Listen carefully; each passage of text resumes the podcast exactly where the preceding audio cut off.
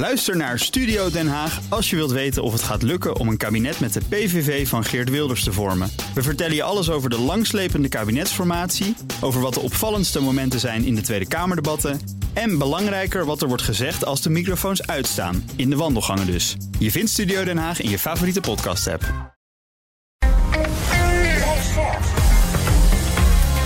BNR Nieuwsradio. BNR breekt. Ivan Verrips. Ja, goedemorgen en welkom bij BNR Breekt. De postcode kanjer en de oudejaarstrekking niet gewonnen. En dus ben ik er weer met een nieuwe uitzending, aflevering 511. Vanaf half twaalf praten we over het nieuws van de dag. Over een hele boel aan nieuwe wetten die zijn ingegaan sinds gisteren.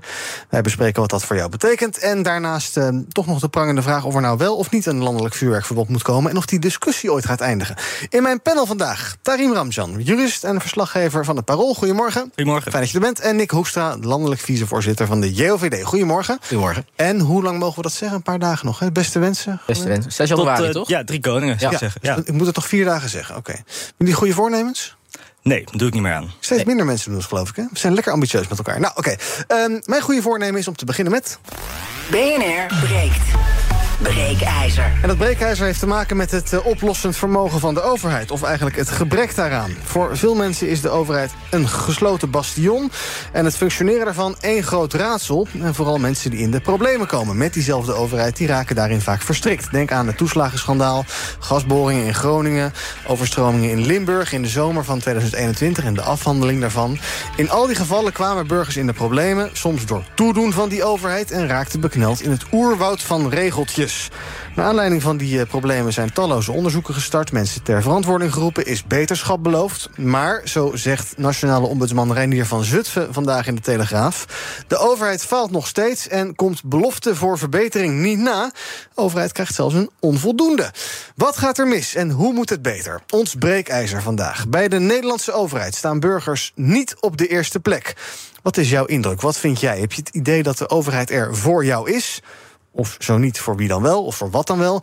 Of maak je je zorgen om uh, hoe die overheid met burgers omgaat? Ik hoor graag jouw ervaringen. 020 468 4 keer 0 is ons telefoonnummer. En ons breekijzer dus bij de Nederlandse overheid staan burgers niet op de eerste plek. 020 468 4 keer 0 Zometeen hoor je hoe Tarim en Nick erover denken. Maar ik begin bij Arjo Klamer. Hij is hoogleraar humane economie aan de VU in Amsterdam. Goedemorgen, Arjo. Goedemorgen. Ja, bij de Nederlandse overheid staan burgers niet op de eerste plek. Wat vind jij? Ja, dat klopt. Het kan ook niet. Men wil heel graag, heel veel mensen in de overheid zouden wel willen dat de burger op de eerste plek komt, maar het lukt ze niet. Het systeem loopt vast. Daar komt het eigenlijk op neer. En hoe komt dat? Is het te groot, te log? Te, ja, waar gaat het mis? Ja, op allerlei fronten. Ik ben een tijdje wethouder geweest en dat was ontzettend frustrerend om dat mee te maken. Uh, allemaal welwillende ambtenaren, maar uh, ja, je hebt het principe van rechtmatigheid. Mm -hmm. Dat is dwingend. Uh, alles moet gecontroleerd en beheerst worden. Zoveel mogelijk risico's vermeden. En dan krijg je gewoon hele ingewikkelde systemen, digitale systemen, waar eigenlijk niemand vat op heeft. En dan loopt het vast. En, uh, dus het wordt allemaal te ingewikkeld. Dan wil je wel eigenlijk wel uh, op menselijke maat toepassen. Daar is Rutte ook van. Uh, maar als je op de werkvloer terechtkomt, merk je dat dat zo nu en dan wel geprobeerd wordt. Maar ja, dan uh, wordt er weer risico gemeden. Dan mm -hmm. zie je dat alle systemen weer in uh, controlesystemen weer ingezet worden. En dan ben je het weer kwijt. Ik, heb, ja. ik vond het zeer frustrerend. Ja, dus eigenlijk staat het systeem op de eerste plek. En dan ergens daarna pas komen ja. personen. En ik ook helemaal vanuit het systeem. Het is helemaal niet van een hele cultuur. Het is allemaal bedacht. Ik vond, ik vond het ook altijd grappig als voor uh, wethouder hadden ze het over het voorveld. Ik zei, waar heb je het nou over? Ja, dat bleek dan de samenleving te zijn. Ik zeg, maar daar wonen wij toch? Nee, dat was van het, vanuit het raadhuis was dat het voorveld.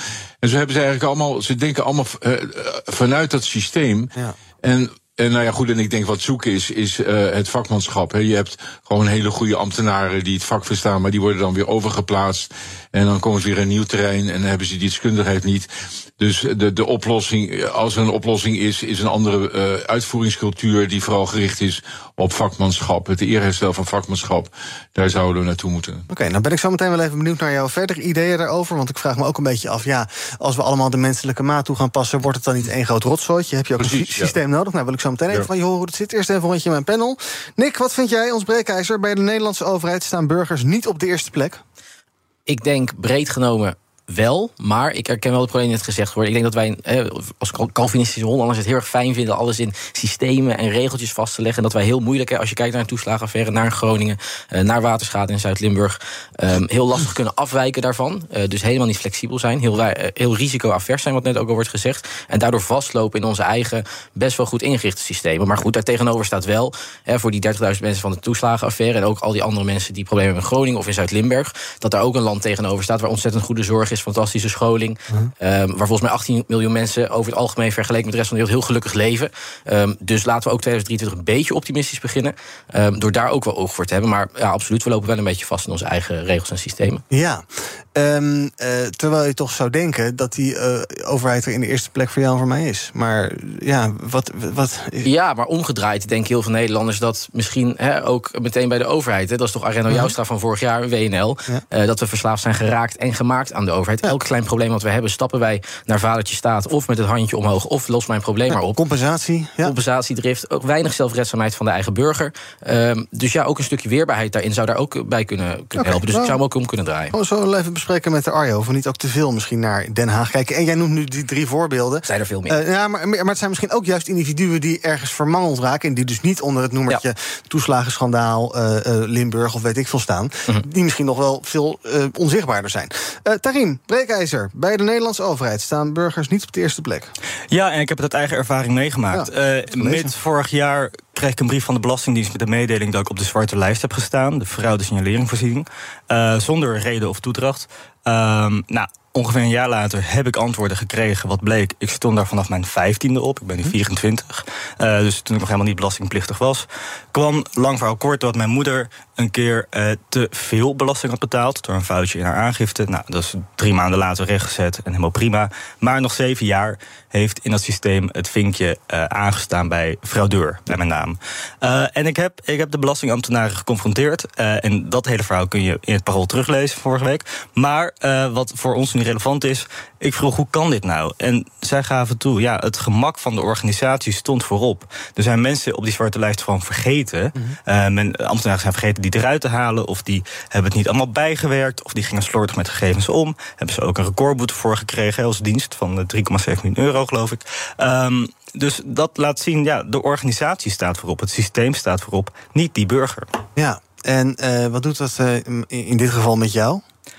Um, heeft, het, nou, heeft, dit je negatieve consequenties opgeleverd? Of is het vooral een vervelend gevoel? Of voel je je... Ik heb er geen materiële schade door geleden. Daar ben ik heel blij mee. Dat geldt voor zo'n 17.000 mensen niet. Nee. Die uh, kon bijvoorbeeld niet de schuldsanering, terwijl het wel moest, uh, moest kunnen ook. Um, Kijk, ik, ik geloof in de overheid. Uh, ik vertrouw daar ook nog steeds op. Maar ik snap heel goed dat mensen hun vertrouwen kwijtraken. Ja. En ik, ik vat het eigenlijk samen als... dit is voor mij het bewijs dat de overheid heeft gefaald. Uh, en die faalt nog steeds in heel veel dossiers. Maar ik denk dat dat samen kan gaan met het vertrouwen erop dat hij ook goede dingen kan doen mm -hmm. en doet. En zeker vergeleken met andere overheden in de rest van de wereld, die gewoon echt evident um, perverse belangen hebben. Ja. Uh, voordat ik naar de bellers ga, nog één vraag aan Arjo eventjes. Nick hier zegt net, ja, we moeten misschien ook wel een beetje aan wat iets meer aan zelfredzaamheid gaan denken. We kijken allemaal heel graag naar, uh, er is iets aan de hand, help, wie kan iets voor me doen? En dan kijken we graag naar de overheid. Misschien iets te graag? Ja, daar ben ik het mee eens. Kijk, ik ben het algemeen. Het, gaat, het is een cultuur. En dat is ook een cultuur die ook uh, zich genesteld heeft onder de mensen, onder de burgers. Van uh, er is een probleem op het pleintje. Nou, de overheid gaat het oplossen. Nou, we ja. kunnen het zelf als burgers ook, ook zelf oplossen. Um, dus inderdaad, uh, veel wordt naar de overheid afgeschoven. En verwacht dat dat, he, zoals de energiecrisis, dat de overheid dat voor ons moet gaan oplossen. Dat is natuurlijk onzin. We moeten er zelf ook wat aan doen. Ja. En um, Uh, dus het is ook, we worden een beetje kinderlijk gemaakt door een uh, dominante overheid. En dus dat is ook niet goed. Maar het gaat in het algemeen over een cultuur van vertrouwen. De overheid is een cultuur van gestold wantrouwen geworden. En je gaat ervan uit dat de burger, dat, dat, dat mensen fraudeurs zijn, dat ze het niet goed doen. Daar moet je straffere maatregelen nemen wordt het nog weer ingewikkelder. Dus je moet, uh, ja, waar je naartoe wil is een cultuur van vertrouwen, daarvan uitgaan. En ook vertrouwen geven aan de professionals. Dan komt het heus wel goed. Hoe we dat vertrouwen kunnen stimuleren, ga ik zo met je bespreken. Want ik kan me ook voorstellen dat als je ergens een wethouder bent en je wilt zoiets invoeren, dat als er dan iets misgaat, dan wordt gelijk je kop eraf gehakt. Dus hoe zou je ja, dat dan misschien, uh, misschien uh, kunnen gaan regelen? Eerst even onze bellers 020 468 4 keer 0 Bij de Nederlandse overheid staan burgers niet op de eerste plek. Ton, goedemorgen. Ton? Goedemorgen. Hallo, zeg het maar. Nou, ik vind dat ze inderdaad niet op de eerste plek staan, dat klopt. Waarom? Nou ja, ze verzinnen constant regelingen. Uh, de onder andere de levensloop. Uh, nu zijn ze natuurlijk weer bezig met de energietransitie. Mm Waarvoor ze in verband met, uh, ja, zeg maar, met de kosten krijgen nu een compensatie. Dus iedereen die nu van het, van het gas af is, die wordt extra aan oor aangenaaid. Omdat er geen rekening mee gehouden wordt. Uh, ja, ik zou met pensioen gaan en ik had een levensloopregeling. En uh, die is ook afgeschaft. Ja. Die hebben ze vervolgens in één keer uitbetaald en voor meer dan 50% belast. Mm -hmm. En voor het restant kan ik nu vervolgens ook vermogensbelasting betalen. Alle regelingen die ze verzinnen, hoe goed ook bedoeld, op het moment dat ze succesvol worden, te succesvol, worden ze gewoon afgeschaft omdat het te veel geld kost. Ja. En de burger is de klos. En wat staat er dan wel op één? Wat, wat is dan het grootste belang daar, denk je? Is jouw gevoel? Uh, nou, ik weet niet of, of het in, in, het kader van het belang is. Ik denk ja. dat ze gewoon maar wat aanmodderen. Ja. Ik bedoel, er zitten heel veel mensen bij de overheid die, die vast goede bedoelingen hebben. Ook in de politiek. Maar ze hebben gewoon voor heel veel dingen te weinig verstand van zaken. Duidelijk, dank voor het bellen. Ton, Rob, goedemorgen. Ja, goedemorgen met Rob Christenbult. Beste wensen nog voor het nieuwe Ja, jaar Rob. voor iedereen bij BNR. En uh, ja, wat ik vind, uh, dat binnen de overheid is het vooral gericht op het uitvoeren van regeren coalitieakkoorden. En voor de rest heel erg om de minister en de politieke leiding uit uh, staatssecretarissen uit de wind te houden. Mhm. En dat is onder andere ontstaan door Wim Kok. Die heeft destijds zijn ukaas ingevoerd dat er niks naar buiten mag komen. En het wordt wel door Meta van Kok wordt dat genoemd. Mhm. En daar is alles op gericht, gewoon op de, op de, op de politieke doelstelling, op Ja. de leiding. De rijen gesloten houden dus. Ja, Ja. niks naar buiten mag komen, niks in de krant, niks naar buiten, geen onrust. En gewoon die politieke agenda uitvoeren. Ja. Er zijn al die doelstellingen te veel op gericht. Je zou iets Ja, meer transparantie willen zien. Ja, ja. Dank voor het bellen. Gerard, goedemorgen. Goedemorgen, met Gerard Fortuyn. Hallo, zeg het maar. Ik heb het volgende probleem. Ik heb in 1987 een woning laten bouwen op het industrieterrein Horen 80. Dat is gebeurd met toestemming van de gemeente. Daar heb ik een woning van 256 vierkante meter. Met twee badkamers, met zeven slaapkamers. En ik heb daar gewoond tot 2005. Vanaf 2005 zitten daar Polen in. En die werken als uitzendkracht bij groentesnijerij Hessing. En ik heb in oktober heb ik bericht van de gemeente gekregen dat de mensen per 1 februari eruit moeten met een dwangsom. Ja. Ik heb daar alle, eh, via een advocaat en ik zelf heb daar eh, brieven geschreven en ik krijg afwijzing op afwijzing. Ja. Morgen heb ik een hoorzitting bij de gemeente en ik vind het onverteerbaar. Kijk, ik heb vergunning gekregen omdat ik directeur-eigenaar van het bedrijf ben. Mhm. En nu zitten er tien verschillende families zitten erin om tien dag gastarbeiders. Ja, meer maar maar ik er ook Ge- Gerard, ik kan, ik kan je casus niet uitgebreid behandelen... want ik ben geen ombudsman en ik ben ook geen jurist... Dus, ik- dus ik kan je niet echt helpen. Maar ik vraag me wel een beetje af... heb je nou het idee dat je wordt vermalen door de overheid... of heb je misschien gewoon geen gelijk? Kan natuurlijk ook, hè, dat je je zin niet krijgt... maar dat, je, dat het ook terecht is. Het gaat, het gaat niet om mijn zin, het Nee. gaat om de menselijkheid. In deze woningnood, waar een prachtige woning waar van 256 vierkante meter Ja. is... en die zo direct leeg staat en niemand in mag komen. En daar verzet ik me met hand en tand tegen. Dank voor bellen, Geert. En tot slot van het blokje even Lian. Goedemorgen, Lian. Ja, goedemorgen. Ehm, ja, ik heb daar ook niet zoveel vertrouwen in de overheid. Want ze passen dan eh, soms financiële maatregelen in eh, voor AOW'ers of voor mensen die al boven de 65 zijn. Ehm, en dan later wordt het bij de belasting er weer afgetrokken en dan eh, blijft er bijna niks meer van over. En we worden een beetje bedonderd zo nu en dan. Dank voor het En- bellen, Lian. BNR breekt. Ivan Verrips. Met in mijn panel vandaag Nick Hoekstra van de JOVD... Tarim Ramjan, jurist, verslaggever bij het Parool. Ook bij hem is Arjo Klamer, hoogleraar Humane Economie... aan de VU in Amsterdam. En we praten over ons breekijzer. En dat is bij de Nederlandse overheid staan burgers niet op de eerste plek. 020 468 4 keer 0 als je wil reageren. Eh, Een paar interessante dingen hebben we gehoord. Ehm, eh, eh, ze rotzooien maar wat aan. Is dat eh, ook al bij jouw indruk, Nick? Want ja, er zitten natuurlijk heel veel mensen werken er bij de overheid. Het is een groot systeem. Ja, eh, dat kan je natuurlijk niet... Ja, de overheid is überhaupt niet echt één ding. Dus ja, Nee, het is ook wel logisch. over- misschien iedereen doet ook maar wat of zo. Ja, kijk, met, ja, wat- de moeite die ik heb met dat soort argumentatie... wie is dan de overheid? Mensen hebben bijvoorbeeld een hekel aan Mark Rutte... of misschien aan Sigrid Kaag, en dat is dan de overheid. Of de personificatie daarvan. Kijk, als je nou kijkt naar die dossiers waar we het net over hadden... dan gaat daar gewoon een heleboel mis. Die, dat toeslagenverre dossier, daar kan ik echt helemaal in komen... dat mensen zeggen, ja, de overheid of de belastingdienst daar... die functioneert niet. Want dat, dat trekt zo lang door, net als de compensatie in Groningen. Dus ja, ik, ik kan tot, ja daar kan ik tot hoogte wel in, in komen. Ehm, maar dat dat kun je niet breed trekken als, als de overheid. Want diezelfde mensen die daar misschien moeite mee hebben, die de afgelopen twee maanden wel 380 euro gekregen. Terwijl ze daar waarschijnlijk eigenlijk helemaal geen recht op hadden. Mhm. Als dat een goede maatregel was geweest die een beetje gedifferentieerd was uh, uitgespreid. Dus ja, de overheid als één ding pakken, daar ben ik niet heel erg voorstander van. Hm. Wat is de rol van uh, Mark Rutte eigenlijk, Arjo? Want Mark Rutte wordt ook wel een beetje gezien als nou ja, iemand die graag dingen weglacht. En uh, ja, uh, de Teflon Mark speelt misschien ook wel mee. Het, het beeld daarbuiten van die overheid. Ja, dat, kijk, zo'n zo'n uh, premier staat natuurlijk ver af van, waar, van de uitvoering. En de problemen zitten natuurlijk in de uitvoering. Um, en ja, hij is natuurlijk al zo lang aan de macht dat het ook wat minder uh, geloofwaardig wordt. Uh, dat hij nog steeds daar.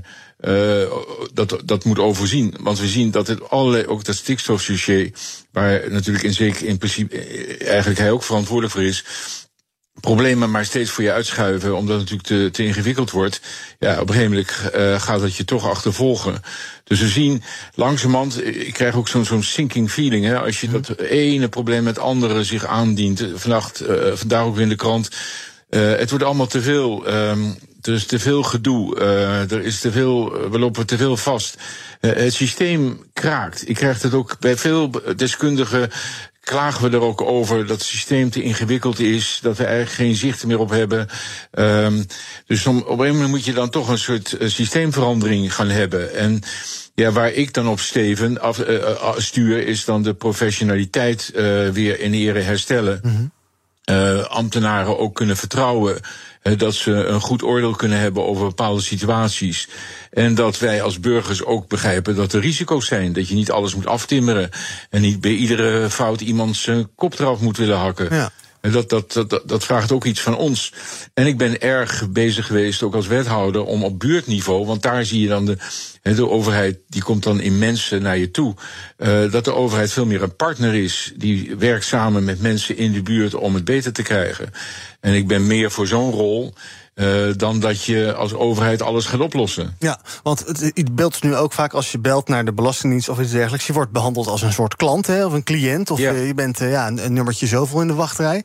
Maar zou het eigenlijk zo moeten kunnen zijn dat als je een vraag hebt over je aangifte. dat je gewoon het belastingkantoor binnen kan lopen en even een ambtenaar aan zijn. ja, dat zou het beste zijn. Kijk, überhaupt was ik als één ding als wethouder. Uh, wilde ik dat we niet meer gingen spreken over klanten. Ik vind het idioot dat burgers klanten zijn. Het zijn burgers. Uh, deelnemers aan programma's, kandidaten voor werk, uh, zo wilde ik ze graag uh, benoemen. inwoners, buurtbewoners, dat, zijn wat, dat zijn de mensen, zijn geen klanten van de overheid. De overheid is dienstbaar. Uh, wil uh, ervoor zorgen, hè, als ambtenaren, dat de mensen het beter hebben. Dus je bent uh, partners, je bent dienstbaar en je probeert mensen ja, te helpen voor zover mm-hmm. dat mogelijk is. Die houding, die zou je heel graag erin willen hebben. Ja. Nou, zei je net, um, het liefste zou ik vanuit vertrouwen werken. Uh, dat is ja. natuurlijk ook mooi. Alleen toen zei ik ook wel, ja, en je hebt wel ook uh, uh, politici op lokaal niveau die dat proberen. Maar ja, dan, dan wordt er een keer misbruik van iets gemaakt. En dan hoor je gelijk, ja, zie je nou wel, het gaat er toch weer mis. Dus hoe kan je dan die, die cultuuromslag bewerkstelligen? Dat we iets meer mensen gaan vertrouwen. Ja, Met dus het risico erbij dat inderdaad er af en toe wat geld weglekt waar het niet hoort enzovoorts. Ja, nee, dat heb ik ook meegemaakt. Want dan ben je lekker bezig en plotseling is er een of ander fraudegeval. En dan uh, gaat, kijkt iedereen naar je van, uh, moet die hangen, die wethouder?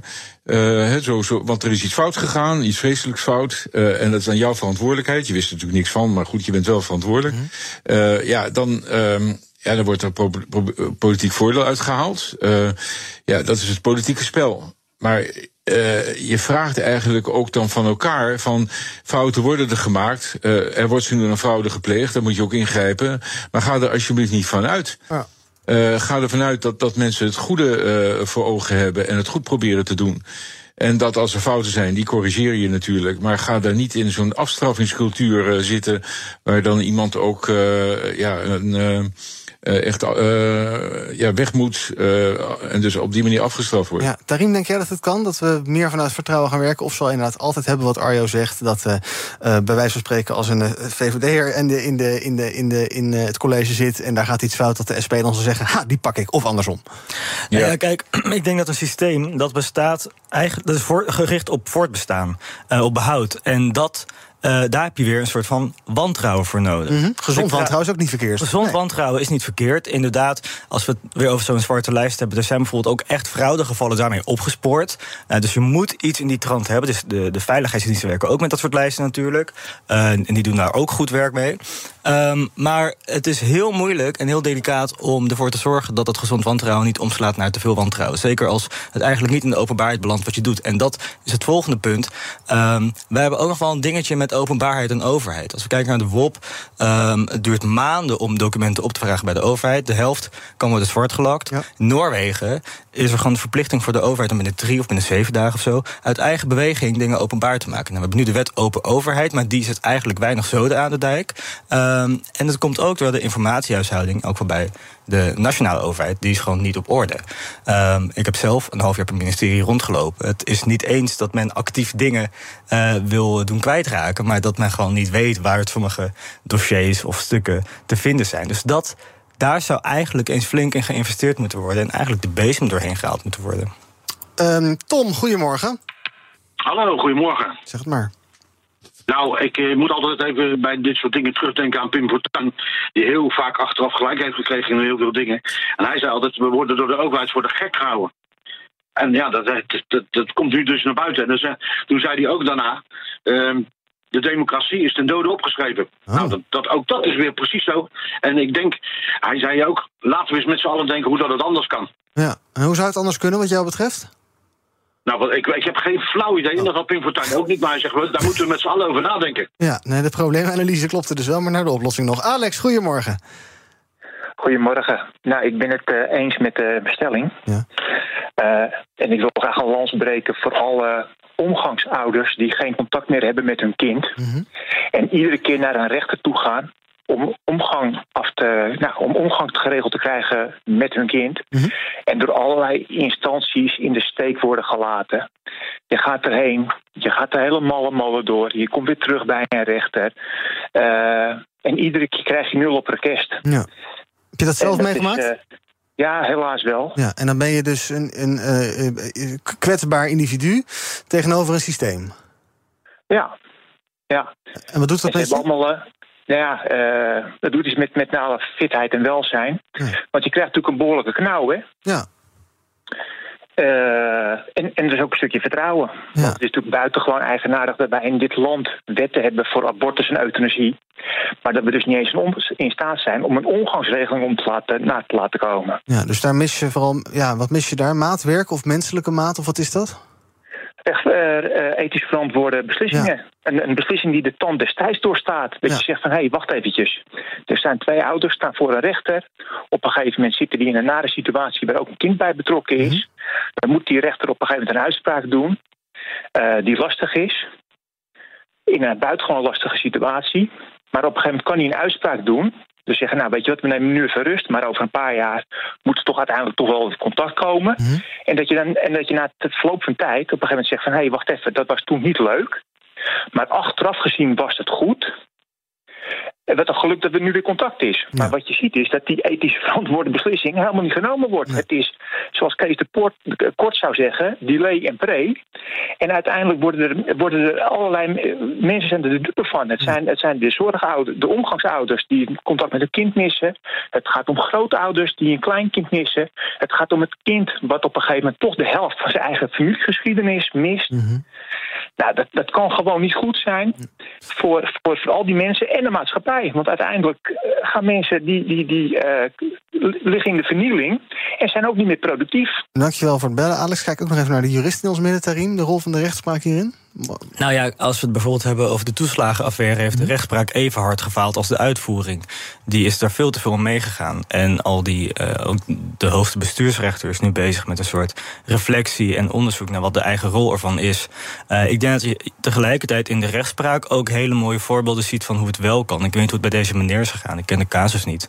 Maar ik weet dat er rechters zijn die uh, proberen... zoveel mogelijk buiten juridische formuleringen en dergelijke ter zitting te komen. Mm. En zeker als het om familie en personenrecht gaat. En, en, en ook bijvoorbeeld burenruzies. En gewoon echt te kijken, bijna een beetje rein de rechterachtig... van hé, hey, wat is er nou aan de hand? Waar heb je behoefte aan? En heel vaak is het ook gewoon dat de burger gehoord wil worden. Ook al heb je ongelijk, ook al kan de rechter misschien niks voor je doen. Maar dat je even je verhaal kan doen. En dat je serieus genomen wordt. Serieus genomen wordt. Die erkenning, dat is al zo belangrijk voor zoveel mensen. Twee bellers nog eventjes. Jan, goedemorgen. Ja, goedemorgen met Jan Speter. Zeg het maar. Um, ja, ik heb. Uh, voor mijn gevoel is het zo dat wij wel op de eerste plek komen. Mm -hmm. Alleen dat we gewoon iets meer vertrouwen naar elkaar moeten uitspreken. Maar ook overheden onderling.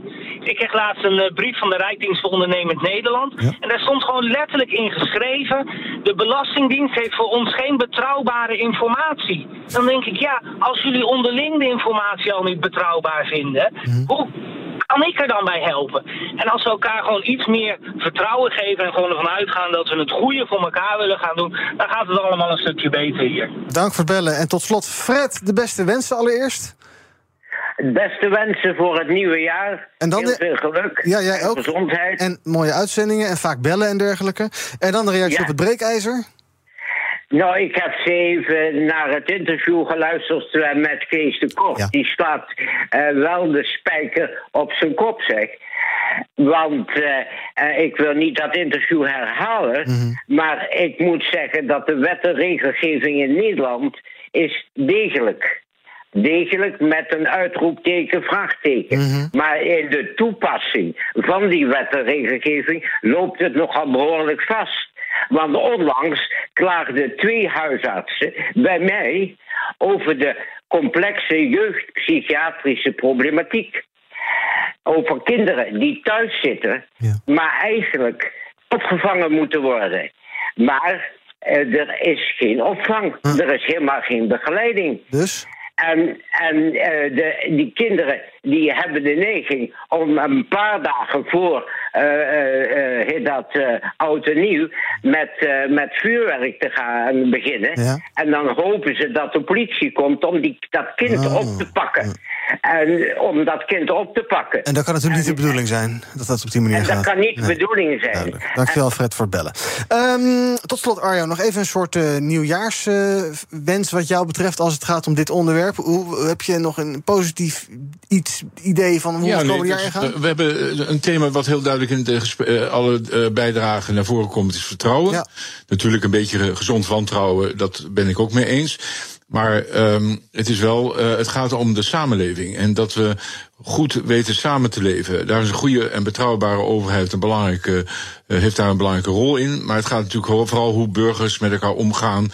eh, in buurten met elkaar samenwerken, samen zorgen. ook voor de omgeving. En dan ja, wordt het allemaal wat vrolijker en gezelliger. Want dat vinden wij Nederlanders ook belangrijk. Dus de verantwoordelijkheid ligt ook bij ons, gewoon als burgers. Het werkt twee kanten op dus, maar we moeten elkaar misschien Ja. nog meer vertrouwen dan eh, altijd maar wantrouwen. Dankjewel Arjo Klamer, hoogleraar Humane Economie aan de VU in Amsterdam. Ehm, eh, zometeen gaan we praten over eh, de postcode loterij en de staatsloterij... en hoe we onszelf daarmee lekker voor de gek blijven houden. En welke stad is de moordstad van Nederland? Hoor je allemaal zometeen in het tweede deel van BNR Breekt. Ook Diana Matroos vind je in de BNR-app. Ja, inderdaad. Je kunt live naar mij luisteren tijdens de Big Five. Ook handig in de BNR-app. Breaking nieuwsmeldingen, maar ook het allerlaatste zakelijke nieuws. En je vindt in de app alle BNR-podcasts, waaronder Wetenschap Vandaag. Download nu de gratis BNR-app en blijf scherp.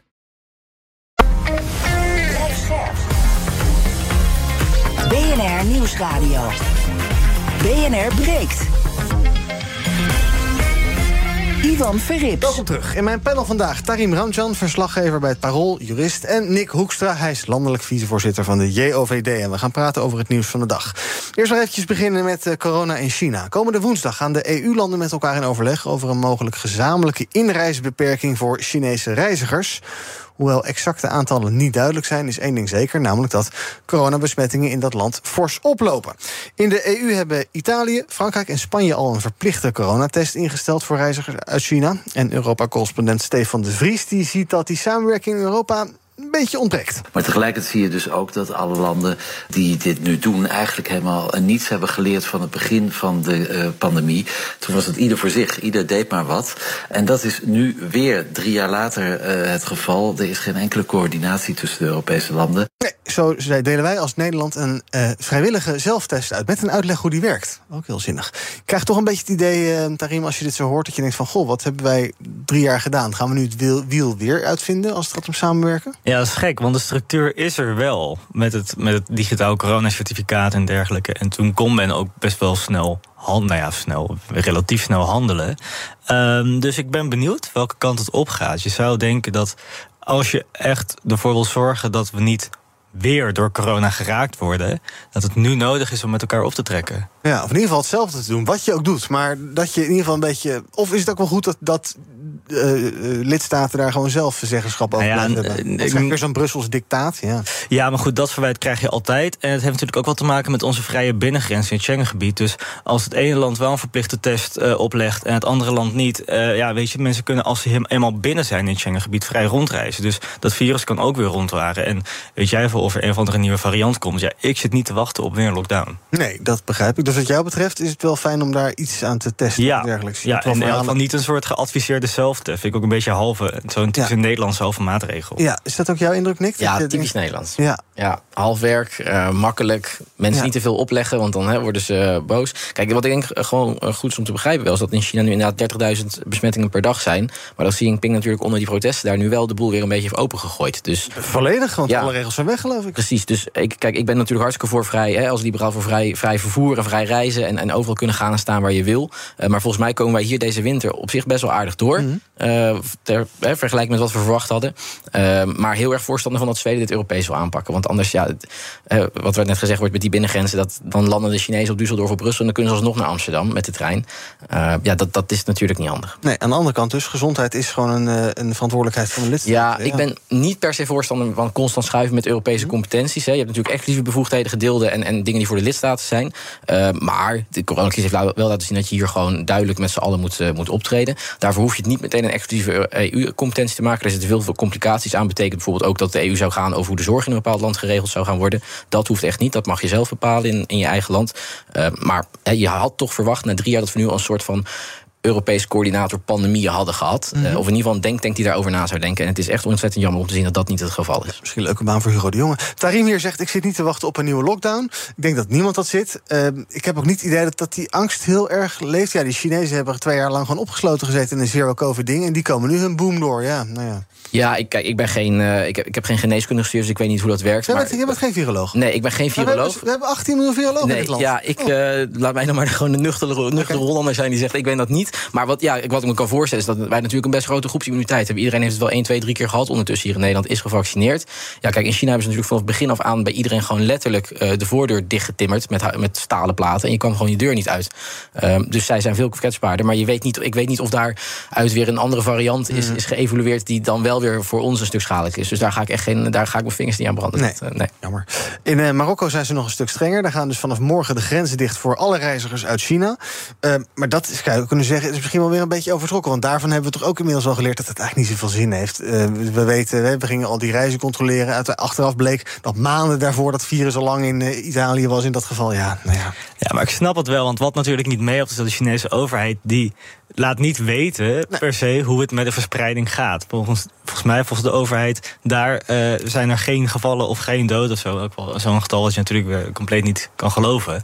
Um, dus dan moet je maar als land op een gegeven moment zeggen... oké, okay, wij gaan hier een streep trekken. En um, ja, je, je hebt maar een bepaald aantal middelen en grenzen dicht. Ja, het is wel een middel wat je kan inzetten. Ja, maar ja, dan komen die toeristen niet meer lekker naar de bijkorf winkelen en zo. Ja.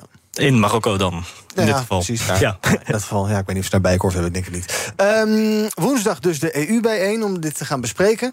Um, maar het zegt toch wel iets, Nick, dat we uh, na drie jaar nog steeds... ook al heb je er misschien geen formele afspraken... maar ook niks informeel goed over geregeld is. En dat er dus, eh, klopt mijn idee dat we een beetje het wiel opnieuw aan het uitvinden zijn nu? Hoe gaat het weer opnieuw gaan kijken? Hoe gaan we het doen? Denk ik wel. Ja, we moeten het heel even afwachten. Maar je zou toch verwachten dat uh, er zijn wat, wat overheden... en wat, wat kabinetten gewisseld. En er zitten misschien wat andere ministers. Maar je zou toch denken dat de lijntjes die ze gedurende die drie jaar hebben opgebouwd, dat die nog wel een soort van warm zijn. Um, laten we hopen dat ze die heel snel opnieuw kunnen vinden en dat het daardoor uh, wat, wat soepeler verloopt. Maar um, ja, ik, ik blijf nog een beetje optimistisch, maar ik snap, jou, uh, snap jouw denken. Ander nieuws dan, een beetje luguber. Uit de opgevraagde cijfers van de Telegraaf blijkt dat Rotterdam de stad is waar het afgelopen jaar de meeste mensen zijn vermoord. Namelijk 16. En in Amsterdam waren het er 11. En daarmee staat die stad op de tweede plek. En dan denk je, ja, is best logisch, want in grote steden vallen natuurlijk meer moorden. Um, is, dat is wel zo, denk ik, hè? Dat is vrij logisch, toch? Dat, ja. Daar kun je wel van uitgaan. Ja, ja. precies. Ja. Um, maar dat zijn moorden die je wel vaak kan terugleiden naar de criminaliteit. En dan vraag je een beetje af waar ligt de verantwoordelijkheid om dit omlaag te krijgen, dit getal.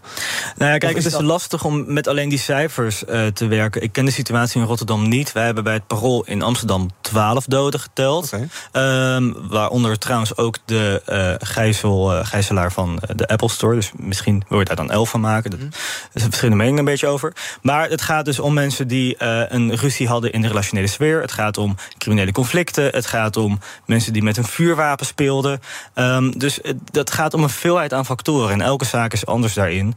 Waarvan ik, waar, ik wel een beetje uh, me zorgen over maak. Uh, is de meest recente moord in Amsterdam. Dat is uh, een 17-jarige jongen die in, in Zuidoosten is, om het leven is gekomen. is doodgeschoten. En dat um, is een wijk die ik ook goed ken. En waar ik de afgelopen week ook veel tijd heb doorgebracht voor de krant. En waar ik ook van heel veel mensen hoor we merken dat geweld dat dat vroeger zich tussen volwassenen afspeelde hier. Uh, en dat gaat nu vooral tussen jongeren. En zeker, er zit nu een jongen vast van 16 mm -hmm. uh, die mogelijk geschoten zou hebben. Nou, ik vraag me dan af, hoe komt een jongen van 16 één aan een vuurwapen? Twee, op het idee om met een vuurwapen rond te lopen en daarmee te handelen.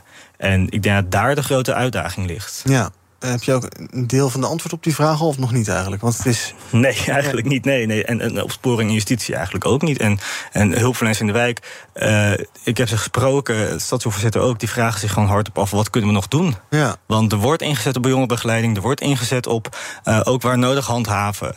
Um, we weten dat strenger en harder straffen niet per se werkt. Um, maar ja, wat kun je nog mee doen? Ik weet het ook niet. Nou, Nick? Twee dingen. Uh, nee, ja, kijk, ik denk dat het de, grondoorzaak van de meeste. Er zijn, wat Trine goed zegt, zijn verschillende casussen. Daar weet ik het fijne ook niet van.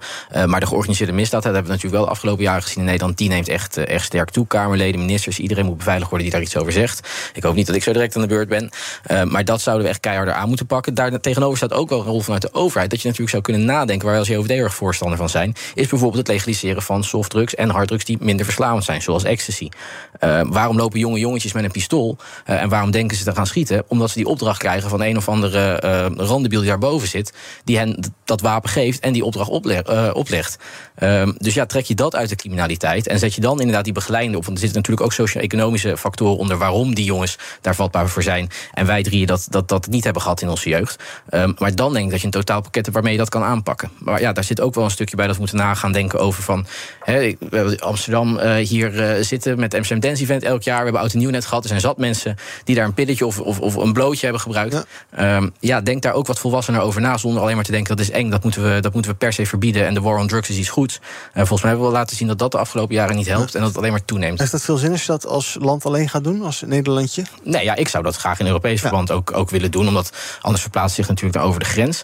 Um, maar ja, kijk, het, het, feit dat Rotterdam bovenaan staat, heeft denk ik wel een reden met, met de haven en de drugscriminaliteit uh, die, uh, die daar is. Ja, um, meer politie op straat? Dat is wel een beetje een klassieker. Maar... Klassieker zijn we natuurlijk ook klassiek voorstander, ja. uh, voorstander van. Maar goed, haal ze maar eens ergens vandaan. Want elke ja. sector heeft tegenwoordig uh, te, te weinig mensen. Wat ik denk dat daar vooral belangrijk bij is... is dat je, um, als je meer mensen op straat zet... dat dat ook zichtbaar is. Hè? Dus dat je dat tastbaar maakt. Dat je gewoon weer je wijkagent hebt die je kent. Dus waar je naartoe kan stappen. Dat de politie niet een, een organisatie is van de overheid... zoals we het net over de overheid hadden. Iets wat ver weg is en, en niet tastbaar. Hm. Um, ja. Er zijn wel veel meer jongeren met wapens opgepakt. Dus je krijgt uh, het idee dat er ook wel genoeg gebeurt. Een en ander gebeurt op dat gebied. Als in dat ze worden opgepakt, ja. dat het een goed teken is. Dat ja. is waar. Uh, maar ik denk als we het over jongeren hebben... en zo, zeker zulke jonge jongeren... Uh, dat je echt moet kijken ook naar de verheerlijking van geweld... in straatcultuur, in de muziek. die, die wordt afgespeeld, die ze maken. en dat je daar proactief op moet handelen. Met mensen ook bijvoorbeeld in de wijk. Mensen die ze kennen en vertrouwen. En niet een of andere random anonieme politieagent... waar ze toch vooral hun mond bij houden. Wat is het belangrijkste om het tegen te gaan, Nick? Ik denk altijd een beetje, maar ik weet, denk van mezelf dat het een beetje een primitieve gedachte is. Uh, criminelen die elkaar afschieten, nou ja, ga maar lekker je gang. Het, uh, Snap ik. Ja, nee, daar, nee ja, kijk, dat is natuurlijk het probleem geworden met de georganiseerde misdaad over de afgelopen jaren. Hè. Dat vroeger uh, schoten criminelen elkaar af. Nou ja, dan lag de straat een nacht wakker en dan was er wat ophef. En dan las je daar de volgende ochtend over de krant. En dan geloof je allemaal wel weer. Weer een crimineel minder. Maar tegenwoordig gooien we granaten tegen huizen aan. Gebeurt het in winkelcentra. Zijn er slag, op scholen inderdaad. Zijn er slachtoffers omheen. Dus hè, die georganiseerde misdaad die, die zijpelt veel meer door in alle haarvaten van de samenleving. Dat is iets ontzettend gevaarlijks. Daar zouden we heel hard tegen op moeten treden. Maar ja, ik, ik, ik denk dat dat gewoon niet meer opgaat. Dat ze elkaar afschieten. Het is iedereen eromheen. Advocaten. Ja, precies. Bij BNR ben je altijd als eerste op de hoogte van het laatste nieuws. Luister dagelijks live via internet. Bas van Werven. En heel langzaam komt de zon op rond dit tijdstip. Je krijgt inzicht in de dag die komt op BNR, het Binnenhof in Nederland en de rest van de wereld. De Ochtendspits. Voor de beste start van je werkdag. Blijf scherp en mis niets.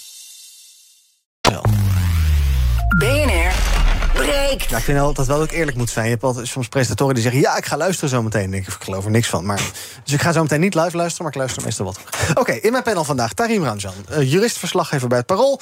en Nick Hoekstra, vicevoorzitter van de JOVD. We gaan praten over jullie nieuws van de dag. Nick, ik wil bij jou beginnen. Um, allerlei nieuwe wetten die sinds gisteren zijn ingegaan. Denk aan uh, verhoogd minimumloon, fors ingeperkte jubelton... helmplicht voor scooters landelijk. Um, wat vind jij het meest, waar, waar kijk jij het meest naar? Wat vind je het meest opvallend, interessant? Nou, waar ik als, als, als liberaal en, en voorvechter van kansgelijkheid heel erg vrolijk van word, is dat inderdaad de jubelton omlaag is. Dat daarnaast het minimumloon omhoog gaat. De inkomstenbelasting omlaag gaat. En ook de vermogensrendementsbelasting uh, wat, wat, wat verhoogd wordt. Dus het gaat aankomend jaar gewoon meer uh, lonen om, om je eigen verdiensten zelf te werken. Um, dan op de, het op de bank te zetten en, en, en maar gewoon te, ja, te laten renderen. Um, ik denk dat dat een, een hele mooie stap is in, in, een poging om, om, om die kloof die toch, toch steeds wel heel erg hard groeit. Uh, iets, uh, iets dichter weer bij elkaar uh, te laten komen. We zijn er nog niet, maar dat zijn wel. Die helm vind ik een beetje jammer, maar dit zijn wel echt dingen waar ik dan weer gelukkig, uh, gelukkig van word. Scheelt doden, die helm? Ja, dat, dat wel. Ja, nee, dat klopt. Ja. Zit je wel bij de goede partij, denk je? Want als ik, ik hoor uh, minimumloon omhoog, vind je een goed idee? Wat bedoel je met de goede partij? Nou, dit klinkt wel linksig. Ja, maar ik ben liberaal. Ik ben geen lid van de VVD. Nee, ik ben, uh, dus ik, uh, ik, uh, ik, ik mag een beetje naar links af en toe, een beetje ja. naar rechts af en toe. Dat verschilt per onderwerp. Maar ik vind kansengelijkheid en vooral als je ziet wat dat met de maatschappij doet op dit moment. dat, dat ook mensen daardoor veel meer wantrouwen hebben. Want groepen onderling vertrouwen elkaar ook niet meer. De ene groep ziet de ander als de uitbater en, en de andere als, als, als de halve slaaf. Mhm. Mm -hmm. Ja, als je dat wat dichter naar elkaar brengt, dat, dat je weer een dubbel, van een dubbeltje een kwartje kan worden in dit land. Dan denk ik dat we de hele goede kant op gaan. Daar is niks links of rechts aan. Dat is vooral heel erg liberaal. Ja. Denk jij dat, dat, dat je noemt een paar een aantal maatregelen verhogen minimumloon, uh, verlagen inkomstenbelasting, dat dat ervoor zorgt dat die koopkracht, nou ja, inderdaad een beetje, dat dat een beetje nivelleert? Ja, als, kijk, als die inflatie niet hard blijft stijgen, natuurlijk ja. wel. Dus dat, dat, dat is een beetje daar, daar afhankelijk van. Wat dan niet helpt dat een overheid 290 euro gaat afgeven aan iedereen die dat misschien ook niet nodig heeft. En dat vervolgens weer in de economie pompt, waardoor die prijzen weer verder omhoog uh, gaan.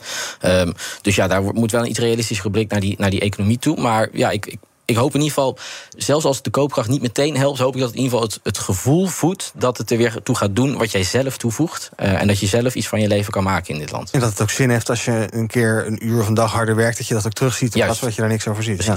Uh, die helmplicht je flauwekul? Nou ja, geen flauwekul. Ik, ik vind het per se betutteling niet. Uh, kijk.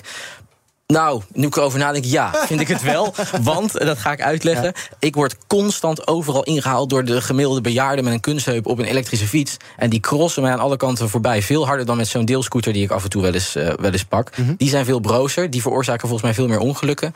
Uh, dus het, ja, op, op, op, dat punt misschien toch wel wat meer dan dat ik afhankelijk dacht. Ik, ben, ik, ik vind het op zich niet erg, ik, ik, pak hem nog steeds... en ik vind het goed voor de veiligheid. En ik, het is net zoiets met de autoriem waarschijnlijk ooit ja. in de auto's. Ik heb dat nooit meegemaakt, maar dat je dacht van... joh, wat een betutteling. Ja. Uiteindelijk heel erg goed. Um, maar goed, kijk dan ook even naar die, uh, die auto's op elektrische fietsen. Want ik vind die ook levensgevaar. Oké, okay, ik noteer een helmplicht voor senioren.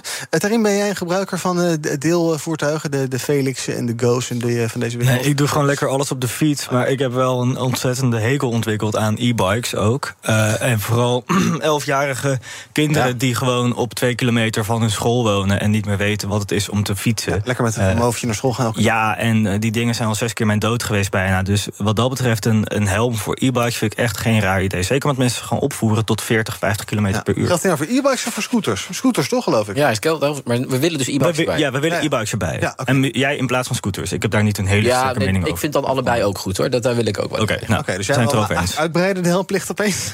Ja, als je dan, ja, wat mijn punt gewoon is, als je dan voor die scooters doet... doe dan ook voor die Van Moofjes en, en, en, en, en, en Anja met de kunstheup... en inderdaad de elfjarige jongen die niet eens meer kan opbrengen... om drie kilometer te fietsen naar zijn middelbare school. Ik vind dat wel tamelijk... Het is voor mij een reden om niet meer die deeldingen te gebruiken... want je haar gaat er zo waardeloos... En ik vind ze heel goor.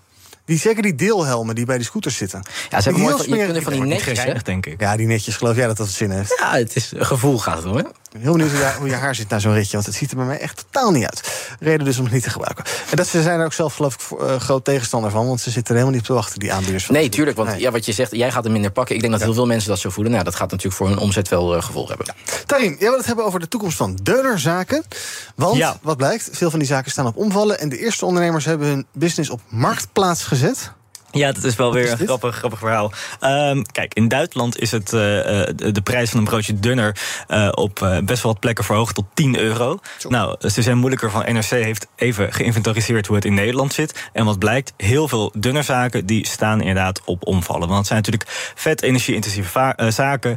De- de- het moet de hele dag aanstaan, zo'n staaf. En ehm, nou ja, wat, wat blijkt nu? Ehm, de broodjes dunner worden eigenlijk al jarenlang voor veel te weinig verkocht. Is ongeveer 4,50 euro, 5 euro voor een broodje. Je zou daar eigenlijk bijna het dubbele voor moeten vragen. Maar niemand van de ondernemers durft hun prijs omhoog te gooien. Want niemand doet dat. Eh, en ze zijn bang dat de klanten wegblijven. Ehm, en wat, ja, wat, wat dus het geval is, dat heel veel van die zaken nu op, eh, op omvallen staan. Eh, en daar dus ook niet echt naar willen handelen. Oké. En daar gaat je broodje dunner dus bij het, eh, bij het uitgaan. En die zetten hun zaak dan op marktplaats. Ja, dat vind ik ook een beetje een, eh, een interessante wending. Hoe, wat zou jij ervoor betalen of bieden op Marktplaats? Nou ja, maar ik ga toch niet een bedrijf kopen op marktplaats? Nou ja, waarom niet? Letterlijk op marktplaats. Ja. Vind ik heel raar. Ja, ik weet niet wat het waard is, geen idee. ik ook Op zich, Als je s'nachts door eh menig stad loopt, is daar flink wat, eh, flink wat eh, afname als het gaat om deuner. Ik weet niet of het een van jouw favoriete maaltijden is midden in de nacht. Nou, het verklaart nu wel waarom die bij ons op de hoek telkens wat duur. Want die heeft wel de prijs verhoogd. Mijn huisgenoot en ik hebben een vast, in, nou niet wekelijks, maar wel een vast op de hoek. Eh, en eh, ik vond dat, dat, hij daar, dat hij maar gewoon een beetje met de natte vinger de prijs de laatste tijd aan het bepalen was. Maar nou, snap, ik- nou, nou heb ik daar een beetje begrip voor. Hm. Eigenlijk, maar eigenlijk houden die deunerzaken elkaar dus ook in een soort wurggreep. En zijn ze dus gewoon allemaal onder de marktprijs aan het verkopen. Ja. En, en, en maken verlies op elk broodje dat ze verkopen. Ja, maar de vraag is natuurlijk... Kijk, aan de ene kant wil jij nog een broodje dunner... als het opeens 10 euro kost? Nou, ik zou er wel twee keer over nadenken. Aan de andere kant, vast deel van de cliëntele... is natuurlijk dronken uitgaanspubliek. Die, die boeit het denk ik niet. Ehm, maar waar het op neerkomt, ja, het is allemaal... Allemaal is het duurder geworden. Frituurvet, patat, het aluminiumfolie wat ze gebruiken, vlees natuurlijk. Gas, ja. Ja, en wat ik dus ook nog eh, boeiend vind, is dat er blijkbaar in eh, zes jaar tijd. Eh, zo'n 15% aan dunnerzaken erbij zijn gekomen. Dus het is ook wel een soort wildgroei geweest, eh, eh, bijna aan die zaken. Misschien dat ze daarom nu ook maar te pas en te onpas op marktplaats worden aangeboden. Maar ja, het, het is de vraag hoeveel daarvan overblijven. Zou het je zorgen baren als deuner verdwijnt uit het Nederlandse straatbeeld? Of Ik zou het wel jammer vinden als het al geheel verdwijnt. Maar goed, dat, dat zal ook niet gebeuren, denk ik. Daar zijn we toch te verknocht aan. En iets meer betalen is dan eigenlijk wel prima misschien. Ja, ik gun het ze wel. Nou, moeten ze misschien toch maar die prijs een keer gaan verhogen. Gaan we even kijken wat er trending is op de socials. Onder andere de Erasmusbrug. En dat komt hierdoor. Vrolijk, blank, 2023. Ja, op de brug in Rotterdam werden op oudjaarsavond racistische leuzen geprojecteerd. Waarschijnlijk vanuit een van de naastgelegen woningen. Politie onderzoekt de zaak, maar het lijkt een gekkie te zijn. Eh, we blijven in, in de nieuwjaarsfeer, maar dan iets gezelliger. Of laten we zeggen iets kouder. Hoe was het? Ja, dat is precies de bedoeling. Overal in Nederland doken mensen weer in het ijskoude water tijdens de nieuwjaarsduik. En...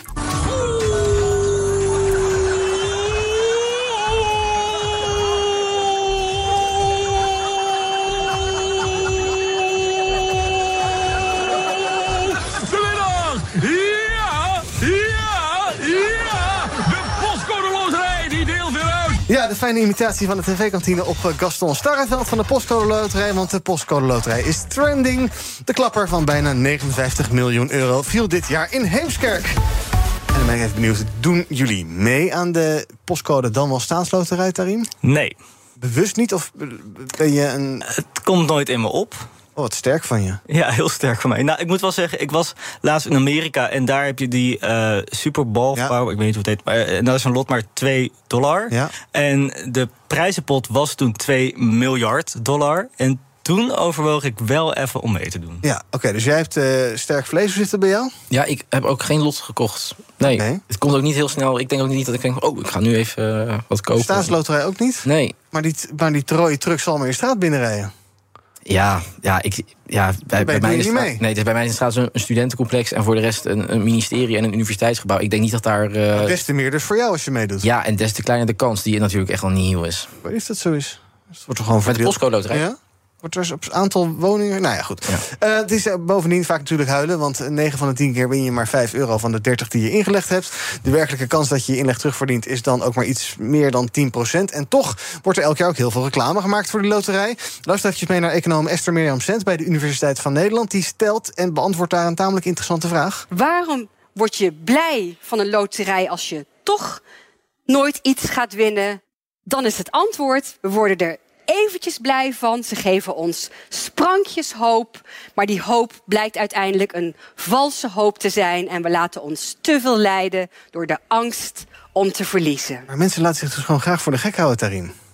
Het, ja. het idee dat je misschien iets kan winnen... terwijl je eigenlijk al van tevoren weet dat je het toch niet gaat winnen. Het is ook een beetje wegdromen bij het idee. En dan als je dan weer All You Need Is Love kijkt... dan komt hij een huis binnen en dan gaan mensen gillen... en, en over de grond rollen omdat ze 9000 euro winnen. denk je, oh ja, dat had ik ook kunnen zijn. Dus ja, natuurlijk. Maar mensen worden graag voor de gek gehouden, überhaupt. mensen zoeken ook graag spanning op voor de lol, achtbanen. Wat zou je graag doen met een paar miljoen? Wereldvrede. Oh, nou, dat gaat niet lukken met een paar miljoen, vrees ik. Maar... Kan het proberen. Nick, heb jij ideeën? Met wat, waar zou je aan beginnen? Nou, niet zo nobel streven. Ik denk dat ik wat meer zou gaan reizen. Oh ja, ja. waarom ook niet. Uh, nog heel even kort over vuurwerk praten, want er werd ook weer flink op uh, losgeknald met oud en nieuw. 110 miljoen euro verkocht, een record als het gaat om uh, vuurwerk in Nederland. Um, maar het was uiteraard ook weer ellende. hulpverleners die werden aangevallen met vuurwerk. vingers die eraf zijn geblazen. De brandweer die moest uitdrukken voor kleine en wat grotere branden. Um, en dus komt weer die oproep van bijvoorbeeld onder andere burgemeester Halsema... maar ook de politie die zegt, joh, we moeten toch maar eens naar een vuurwerkverbod. Voorstander van? Ja, ik zag ook inderdaad een bericht voorbij komen over een elfjarige die dan als zijn hand had verloren en, en een oogarts, of niet een oogarts, maar een arts die zich erover beklaagde. En toen dacht ik inderdaad, waar zijn we nou mee bezig? Ja, uh, heel veel mensen beleven er ook lol aan. Maar volgens mij vooral aan het kijken. Ja. En daar he, eh, organiseer gewoon per gemeente een leuke grote vuurwerkshow. Maak daar echt spektakel van. Investeer daar lekker in. Uh, en dan heb je het gros van de bevolking al uh, daarmee tevreden. Stoppen met vuurwerk, Nick? Uh, met het knal en zo wel. En de harde knallen en, en wat strenger erop zitten qua, qua wat er verkocht wordt wel. Ik, ik ben wel persoonlijk voorstander gewoon van dat uh, siervuurwerk. Kijk, ik vind zo'n siervuurwerk show ook fantastisch hoor. Maar ja, zoals dit jaar ook, het wordt overal afgeblazen ja. weer. Uh, ja, wat je dan krijgt is dat mensen massaal op de been gaan. Ik denk dat dat met, met alcohol en, en wat ze allemaal op hebben... net zo'n grote gevaarlijke situatie wordt... zowel voor hulpverleners als, als voor verkeer als voor die mensen zelf. Ehm, dus ik, ik heb niks tegen een, een, een sierpotje in de achtertuin... en lekker met het gezin en een oliebol en een glas champagne erbij, daarbij kijken. Dat vind ik absoluut prima. Maar inderdaad, die harde knallen, dat hoeft van mij ook uh, niet. Nee. Nick Hoekstra, landelijk vicevoorzitter van de JOVD. Dank dat je bij ons was. En Tarim Ramjan, jurist en verslaggever bij het Parool. Morgen ben ik er weer. Tot die tijd volg je ons via de socials. Zoek maar eventjes op uh, YouTube, Instagram, Twitter, TikTok, LinkedIn naar BNR. En als je de radio aan laat staan, hoor je over een paar minuutjes Thomas van Zel met Zaken doen. Ook Diana Matroos vind je in de BNR-app. Ja, inderdaad. Je kunt live naar mij luisteren tijdens de Big Five. Ook handig in de BNR-app. Breaking nieuwsmeldingen, maar ook het allerlaatste zakelijke nieuws. En je vindt in de app alle BNR-podcasts, waaronder Wetenschap Vandaag. Download nu de gratis BNR-app en blijf scherp.